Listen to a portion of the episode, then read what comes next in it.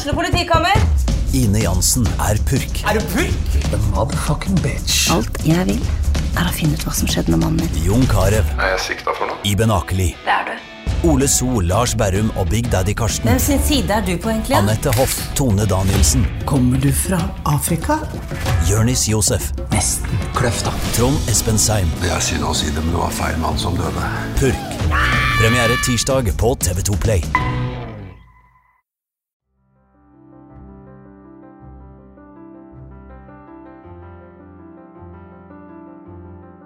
I dagens episode forteller Tone Ollestad helt ærlig om kvinnekroppen.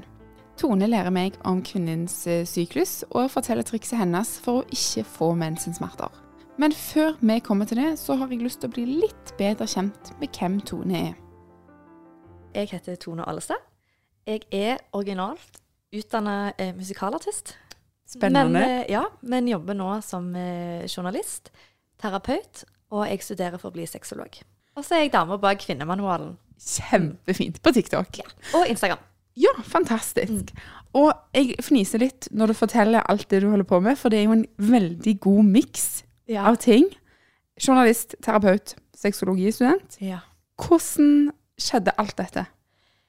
Altså, det starta jo med at jeg kom hjem til Norge som utdanna skuespiller, og fant ut liksom at alle de jobbene jeg søkte på, var ofte skuespillerroller jeg ikke ville ha, for de fortalte ikke noe spennende. Eh, og så tenkte jeg sånn Hm, jeg elsker å formidle og forklare. Jeg har jobbet liksom pianolærer og danselærer og sånn. Men jeg tenkte hvis jeg tar en utdanning som journalist, så kan jeg på en måte finne den informasjonen jeg syns er viktig, og bruke skuespillerferdighetene til å formidle. Kult. Og samme sommer så fant jeg noen bøker om syklus og om kvinnekroppen. Mm. Og det var så mye kult. Eh, Og så fortalte jeg det til venninner, og bare sånn Vet du at progesteron øker kroppstemperaturen? Du kan se når du har hatt eggløsning hvis du måler temperaturen hver dag. Og all slags andre ting. Og ingen visste noe. Og så ble jeg bare sånn Men hvorfor, hvorfor lærte vi ikke dette på skolen? Hvorfor lærte jeg ikke hvor mye syklusen påvirker meg fysisk, mentalt, og i atferd til og med? Så var det ei venninne som sa ja, men Tone, denne informasjonen må du bare få ut. Og jeg bare ja, jeg skulle nesten hatt en sånn slags manual for kvinner, for dette er jo nyttig for menn òg å, å lære. Og så sier hun venninna mi da bare sånn ja, men kan du ikke bare lage kvinnemanualen, da? Og så eh, oppretta jeg eh, kvinnemanualen på TikTok og Instagram. Nei, på Instagram. ja. Og så var det ei venninne på journaliststudiet som var sånn Tone, du kan ikke starte noe uten å gjøre det på TikTok. og jeg bare Jeg hadde ikke TikTok, men det var greit. Så jeg posta jo og ghosta de Ja. første månedene. Mm. Men eh, det tok fort av. Spennende. Når var dette? Dette var eh, oktober for to år siden, så 2021.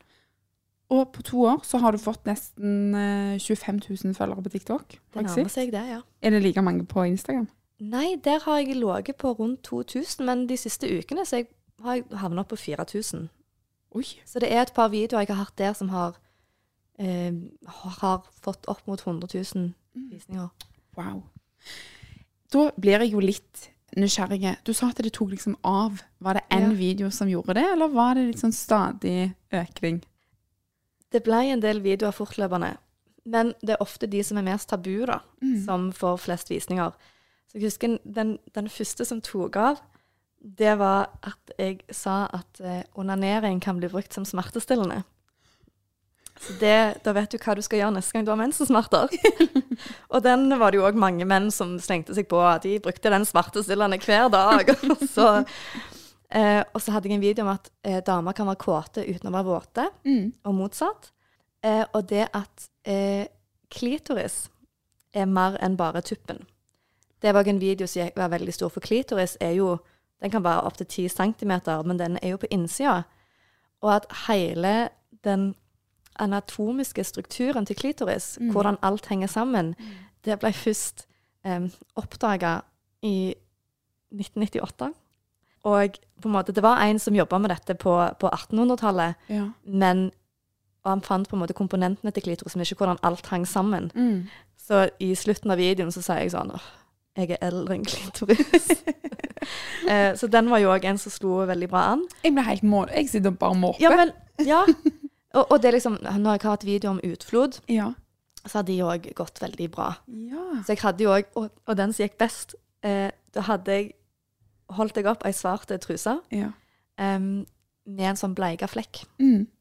Eh, fordi utfloden den er så sur i pH-verdi at den bleike stoffet. Så mange kvinner går jo og tror at den, den flekken som er i undertøyet, er fra mensen, Mm. men det er fra utfloden. Og jeg husker uka etter jeg posta den, så hadde VG en lik video om akkurat det samme, og jeg bare Jeg var først. Jeg var først. Så løye. Vi har jo vært litt innom eh, egentlig hva disse videoene handler om. Ja. Men eh, kan du gi meg en sånn generell overparaply om hva du, hva du snakker om på TikTok og på Instagram? Ja, eh, det er alt jeg finner, holdt jeg på å si, om, om kvinnehelse. Mm. eh, om kvinnekroppen. Og gjerne sånne kule, kule ting om kvinnekroppen som vi ikke vet at kroppen vår gjør. Det er hvordan den påvirker psykisk. Og så har jeg en del om kvinners seksualitet. Og òg på en måte masse om syklus og reproduksjon, da. Mm. Hvor mange visninger får de beste videoene dine? På TikTok, så den beste er vel på en halv million. Um, men sånn generelt, hvis en video går veldig bra, så er den fra 100 000, 200 000. Det er veldig mange folk Ja, det er mange folk. som ser, Ja. ser på videoene dine. Eh, hvilken respons får du?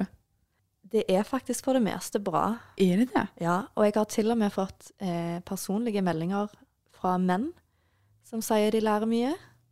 Og, det, åh, og da blir jeg så varm i hjertet. For det er jo ikke bare for kvinner. Men tenk Nei. liksom, hvis en, hvis en fyr er alenepappa og har to døtre, liksom.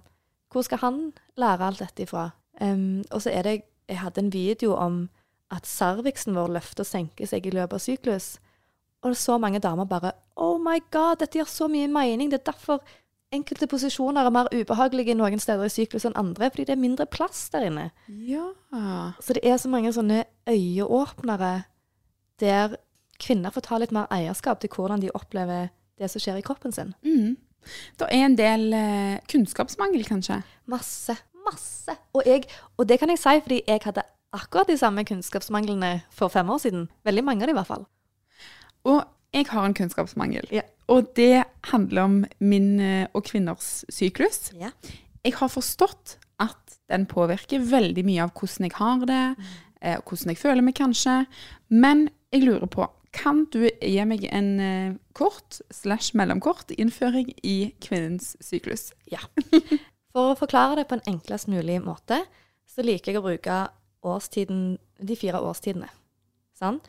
Så vi har vinter, vår, sommer og høst. Syklusen starter med vinter. Det er når vi får mensen. Så vintersesongen er mensen. Og så har vi vår. Det er da hormonnivået dine begynner å stige. Vi får litt mer østrogen, vi får mer energi. Vi har lyst til å krype ut av mensenhiet vårt. Og så kommer sommeren. Sommeren er fertilitetsvinduet. Det er da vi kvinner kan bli gravide. For vi kan ikke bli gravide i hele syklusen. Og i de dagene så er østrogennivået på topp, testosteronnivået på topp. Vi føler oss sterkere, vi føler oss mer sjøl, sjølsikre, mer sjøltillit, mer oh, joie de vivre. Eh, vi føler oss bedre, rett og slett. Ja. Vi føler oss uslåelige. Ja. Og så kommer høsten. Det er lutealfasen. Eggløsningen er forbi. Man kan ikke lenger bli gravid. Man går ifra å produsere mest østrogen til å produsere mest progesteron, som er et hormon som gjør at vi vil trekke oss litt tilbake. Ting går litt treigere. Og det, vi har gjerne heller lyst til å sitte inne på sofaen med et pledd og strikketøy enn å gå ut og feste. OK. Og så kommer vinteren igjen. Dette syns jeg var ganske interessant, men òg veldig sånn OK, spørsmål. Jeg, jeg er ikke in touch med min syklus. Er du? Jeg, er, jeg vet nøyaktig hva dag jeg er på i syklusen nå. Hvordan påvirker det livet ditt? Åh, vet du hva? Det tror jeg har vært den største lifehacken jeg har hatt. Jeg leser responsen min på ting på en helt annen måte. Ta for eksempel hvis jeg er i høstfasen, og noen avlyser en avtale med meg, så kan jeg Høstfasen, denne lutealfasen, Yes, lutealfasen. hvor du trekker deg litt tilbake. Yes, uka før mensen. Ja. Eh, da kan jeg da er jeg litt mer eh, sårbar. Jeg blir litt lettere fornærma. Jeg tar negativ kritikk litt mer til meg. Men når jeg da er bevisst på det, så er jeg sånn, vet du hva, nå er jeg bare ekstra skuffa fordi jeg er der jeg er i fasen. Men hvis noen avlyser en avtale i sommerfasen min eh, Det dukker opp noe nytt, det går bra. altså, respondere litt annerledes. Og så klart er det jo flere faktorer i hvordan jeg responderer på ting, og hvordan jeg opplever verden.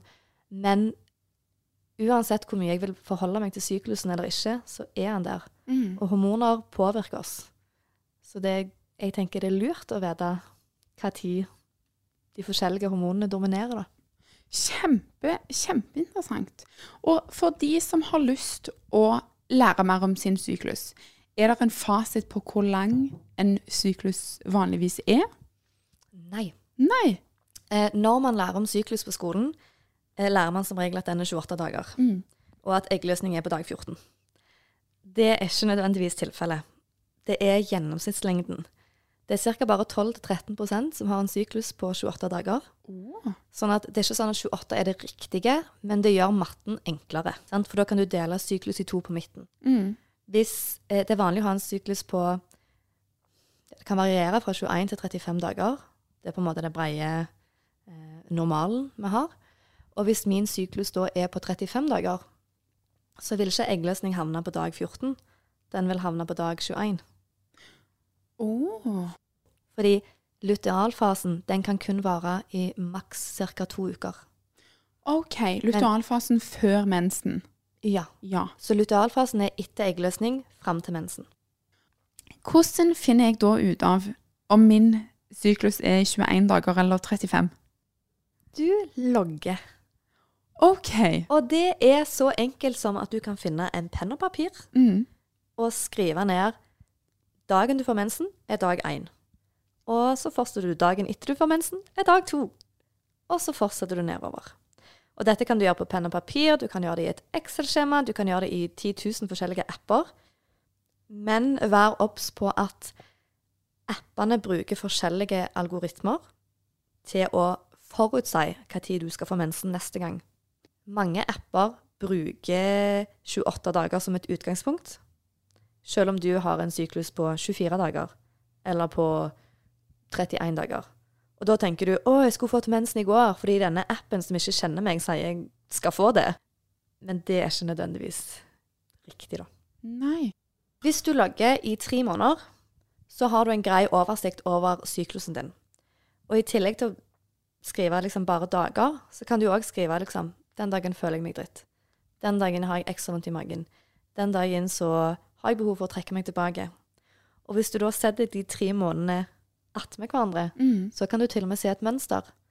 Oi, shit. Hver 24. dag i syklusen, da hater jeg alt og alle. Kanskje jeg ikke skal legge så mye planer den dagen. videre. Si at jeg har logga tre måneders Ja. eh, Eller tre sykluser blir det. Tre sykluser, ja. For å være Takk. spesifikk. Kjempefint. Mm. Jeg har skrevet ned tre sykluser. Hvordan ser jeg da? Eggløsning er i midten, eller? Ja, ok. Så det finnes eh, tre, måneder, tre måter å stadfeste eggløsning på. Man kan ta eggløsningstest, eh, og da tester de for et hormon som heter LH.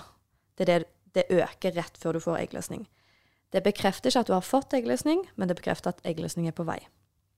Den andre er at du kan bruke fingeren og kjenne på cervix. Fordi cervix endrer seg i løpet av syklus. Det er åpningen til, til livmora. sant? Og den er ikke åpen for eh, besøkende hele syklusen. Det er kun de dagene opp mot eggløsning at den åpner seg. Okay. Så hvis du, hvis du setter deg på, på huk og stapper inn fingeren ei uke før mensen, så vil det kjennes ut som en nesetipp. Den er liten og rund. Altså, Første gang jeg kjente på cervixen min, så trodde jeg at det var en tumor, liksom. For det er en klump! Ja, igjen. Jeg bare sitter og måper. Ja. det kan jeg bekrefte. Ja.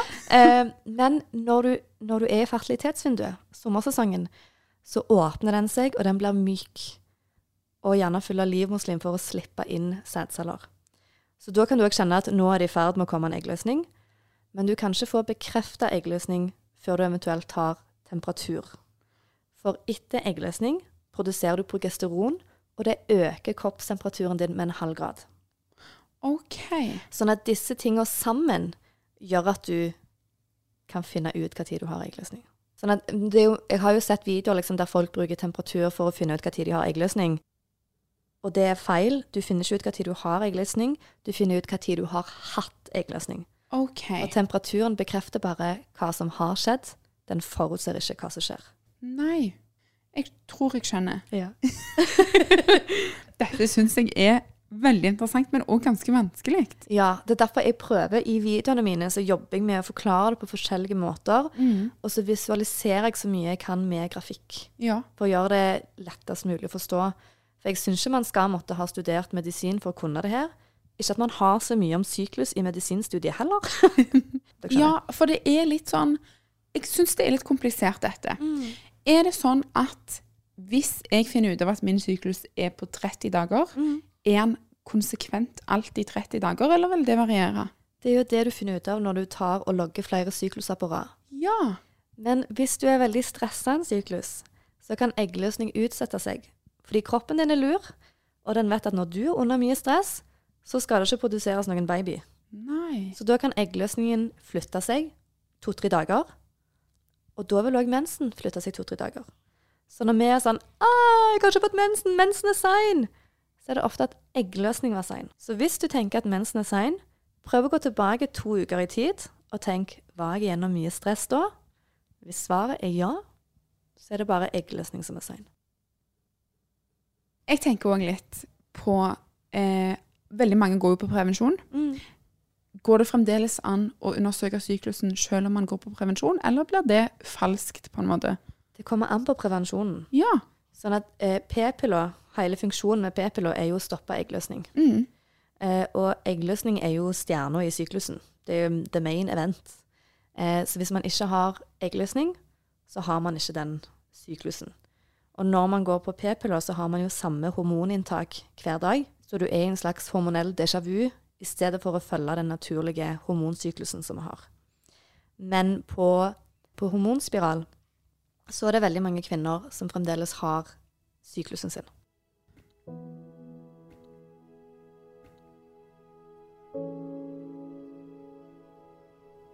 Jeg har selvfølgelig snokt litt på TikToken din og sett at du har eh, holdt på med en sukkerfri syklus. Ja. Eller holder på med ennå. Ja, ja, ja. Fortell meg alt. Hvorfor vil du ha en sukkerfri syklus?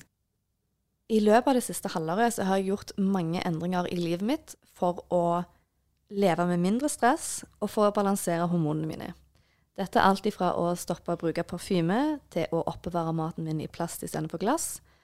Men så leste jeg ei bok som heter Glukoserevolusjonen, som handler om blodsukker, rett og slett. Og da hadde jeg eh, en helt fantastisk bok. Og da lærte jeg at blodsukkeret vårt og insulinproduksjonen er linka til helsa til hormonsyklusen vår. Så jeg tenkte sånn Jeg spiser ikke så mye søtsaker, men jeg tenkte jeg skulle leke litt med det her og prøve å balansere blodsukkeret mitt. da. Og som hun spesifiserer, hun forfatteren av boka, det er ikke bare for de med diabetes. Og hun sier òg at Nå er jo hun er amerikansk, men hun eh, Forfatteren påstår at det er nærmere 80% som har ubalanse i blodsukkeret sitt. Så jeg tenkte det skader ikke å prøve. Så jeg tar disse tiltakene og spiser salat før middag og sånn, og jeg merker at jeg har mye mindre cravings. Mensensmertene mine forsvinner, men så har jeg ei uke, eller en syklus, der uka før mensen så spiste jeg godteri, dundersalt, eh, kjeks og liksom ferdigmat. Alt det gode. Alt jeg ikke vanligvis spiser. Ja. Og så fikk jeg mensensmerter igjen. Oh. Så det var det som satte meg litt på sporet. Bare sånn mm, Kanskje dette påvirker mer enn jeg tror. Og i etterkant har jeg òg funnet forskning som viser at den uka før mensen, altså i lutealfasen, så er vi litt mer sensitive da, for endringer i blodsukkeret. Så eh, det jeg har eh, prøvd nå, er at jeg skal gå en måned uten å spise sukker. Og nå er det jo sånn Man kan ikke unngå sukker helt. For liksom, hva er sukker? Jo, da tenker jeg sukker som i ren sukker. Mm. Og så tenker jeg som i kjappe karbohydrater. Altså ris og brød. Altså loff og liksom. Hvis jeg skal spise brød, skal det helst være grovt rugbrød. Og det liker jeg ikke, så jeg spiser veldig lite brød. Men ja, så nå har jeg jo eh, Nå har jeg ni dager igjen av syklusen min. Eh, og dette er jo på en måte den viktigste tiden. Ja. Så jeg er veldig spent på hvor mye mensensmerter det blir i slutten av neste uke. Det er jo veldig interessant at hva du spiser kan påvirke mensensmerter. Og samtidig så er det så logisk. Ja, sant vel. Jeg syns det er kjempeinteressant. Jeg òg husker så godt tilbake på ungdomsskolen, når alle måtte være hjemme fra skolen, for det var så vondt Ja. i ryggen og i magen den uka vi hadde Ja. mensen. Hvis vi bare hadde visst. Ja, og jeg tenker på meg sjøl, fordi jeg har vært en person som har ligget i fosterstilling den dagen jeg får mensen. Mm. Og jeg var heldig i, han- med gåseøyne, fordi jeg fikk eh, Da jeg jobba i Oslo, så fikk jeg mensen på en lørdag. Så da slapp jeg å bruke en arbeidsdag på å ikke kunne jobbe. Men hva annet gjorde jeg på den, det tidspunktet? Jo, jeg starta dagen med en sukkerete kaffe mokka. Ja. Eh, jeg spiste gjerne ikke Nei, jeg spiste ikke så bra. Jeg gjorde ikke det. Jeg tenkte ikke så mye på det. For jeg tenkte sånn, ja ja, rundstykket med ditten og datten er sikkert bra, det. Mm. Er snart en sukkerfri syklus ferdig. Ja. Hvordan har det gått? Du sa jo at du ikke er sånn veldig søtmoms. Det Nei. er jo jeg. Ja, men jeg får jo cravings. Ja. Ja, og jeg kan jo si, i går så gikk jeg tur med ei venninne. Jeg var litt nedfor. Jeg hadde skikkelig lyst på noe. Mm. Um, og da var det på en måte mat som trøst, da. Og så sier hun venninna mi ja, Tone, gå går kjøp deg en sjokolade. Og jeg bare Jeg kan ikke! Jeg har sukkerfri syklus! Eh, så jeg kjøpte meg en iskaffe uten sukker. Mm. Og jeg, jeg er jo ikke så glad i sånn sukkererstatningsprodukter. Eh, men jeg var sånn Nå trenger jeg noe å kose meg med. Og så fant jeg eh, litt valnøtter og eh, mandler, salta mandler. Veldig godt. Eh, og så hadde jeg iskaffen min, og så lagde mor mi litt popkorn. For jeg er hjemme hos mor og far i dag. Så da klarte du å regulere litt den, den cravingen, eller? Ja, og jeg tror det var fordi i resten av dagen i går så spiste ikke jeg så bra. Fordi jeg er veldig eh, Jeg har en fast frokost som er full av fett og proteiner. Og den på en måte setter, meg, eh, setter litt premissene for resten av dagen, da. Mens i går så hadde jeg en dårlig frokost. Eh, jeg spiste ikke mye.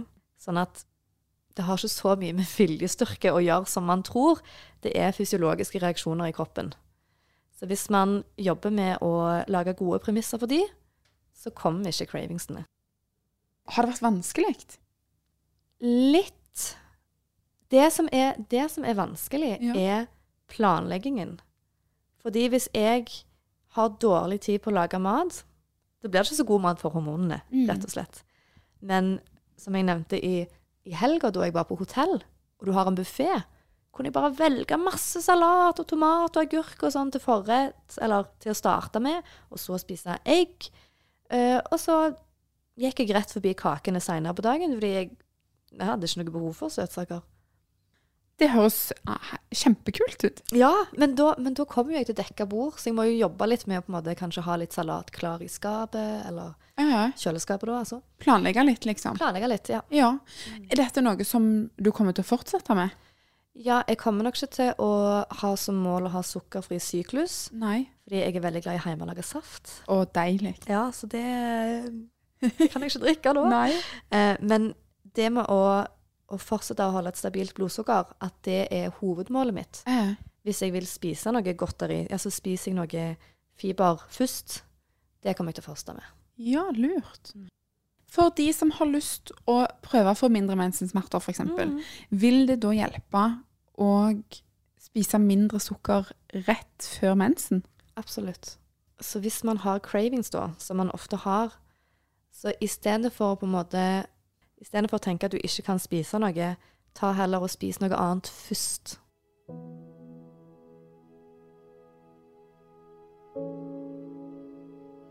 Jeg har lagt merke til at mye av det som handler om syklus på TikToken din, er dette med hvordan syklusen påvirker oss òg i atferd. Ja.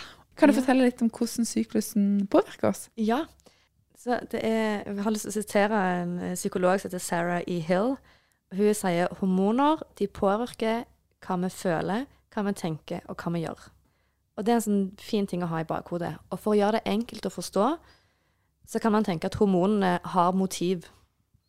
Østrogen vil at du skal bli gravid. Så østrogen påvirker deg til å gjøre handlinger som kan føre til det. Sånn at når vi har eggløsning, så vil vi gjerne stelle oss litt mer. Man har større sjanse for å ha one night stand. Man er mer sosiale, er mer ute til å gå ut og, og treffe nye folk. Mm. Og vil stelle seg litt ekstra, rett og slett. Og alt dette skjer i underbevisstheten. Yes. Det er nesten litt ekkelt. Ja, men òg litt kult. Ja. Vi er jo dyr! Vi er dyr. Og liksom, for en genial ting fra naturens side. Ja. Og, liksom, og samtidig så har har vi òg økningen av testosteron, som gjør oss kåtere. For altså Man blir ikke gravid hvis man ikke hopper til køys. Ikke alle videoene mine er basert på opplevelser jeg har hatt sjøl. Ofte så, selv om jeg lager sånn scener og sånn, så er det ofte ting andre har opplevd. Men denne må jeg innrømme jeg sjøl opplevd. Eh, og det er ei dame som sitter og sveiper på Tinder. Eh, og så sier venninna liksom bare sånn Oi, du har sveipa skikkelig mye de siste to dagene. Og så er jeg sånn Ja, og så? Hva har det med noe å gjøre? Så spør venninna hvor hun er i syklus. Og hun som sveiper, sitter der bare sånn «Pff, Det har jo ikke noe med det å gjøre. Eh, helt til hun gjør matten og innser at hun har eggløsning, og det er ca. en måned siden sist hun satt og sveipa på Tinder. Og det var en sånn åpenbaring jeg hadde da jeg holdt på å bli kjent med kroppen min, for da var jeg på Tinder, det er jeg ikke nå lenger. Men at jeg satt Jeg bare Hva er der ute? Jeg hadde så lyst til å bare Åh, nei, nå er det lenge siden jeg var på Tinder. Nå Hva har jeg lyst til å bare finnes, Hva liksom? fins, ja? Hva, hva menn er det der ute? og så fikk jeg bare litt sånn Da jeg innså at jeg hadde eggløsning, eller var i fertilitetsvinduet, så var jeg sånn Jeg har ikke råderett over egen kropp. altså, naturen styrer alt. Så løye. Jeg syns det er kjempeløye. På TikTok så, så jeg òg at du fortalte om en sånn glød Ja. man får. Mm. Østrogen er hormonet som gjør oss kvinner til kvinner, på en måte, med formene våre, altså femininitet og, og sånn. Ehm, og den, den gir oss òg en slags glød for å tiltrekke oss en partner. Men du, den sjøltilliten og liksom bare eh, Gudinnefølelsen en føler, er sånn åh, jeg kan takle alt, sant. Åh, du vil krangle? Ja, nei, ikke, ikke i dag, bare gå vekk. Eh, I don't care. Jeg tar meg ikke nær av noe. Ja. Um, men etter eggløsning så går jo østrogennivået ned. Mm. Og med det alle disse godene som kommer med. Sånn at jeg klarer Nå måler jeg temperatur hver dag, men jeg kan òg se i speilet, for dette skjer rett før temperaturen øker. Så ser jeg at det er, det er noe annerledes. Det er akkurat som jeg føler meg litt mer grå. ja. Og da er jeg sånn Ja, nå er, nå er det over for denne gang. Jeg syns at det, det å vite litt om syklusen, det høres ut som at du tjener mye på det. Veldig. Hvordan har livet ditt endra seg etter du satte deg inn i dette? Jeg har blitt flinkere til å ta vare på meg sjøl, eh, og jeg har blitt flinkere til å sette grenser. Fordi jeg vet at jeg ikke kommer til å ha en eh, kjekk kveld ute på byen hvis jeg hvis det er to dager til jeg får mensen.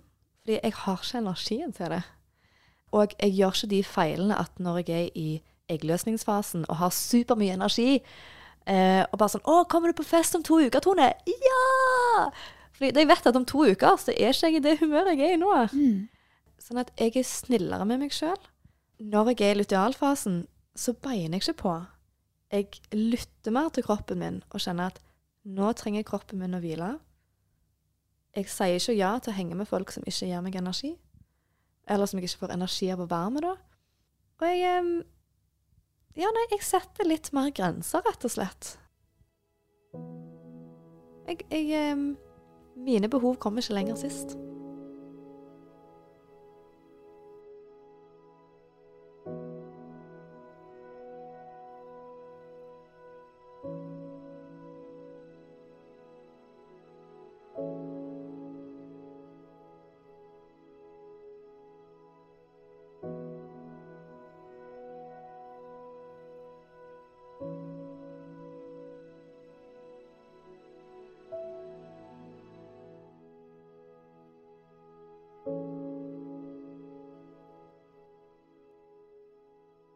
Har du et enkeltpersonforetak eller en liten bedrift? Da er du sikkert lei av å høre meg snakke om hvor enkelt det er med kvitteringer og bilag i fiken, så vi eh, gir oss her, vi. Fordi vi liker enkelt. Fiken superenkelt regnskap.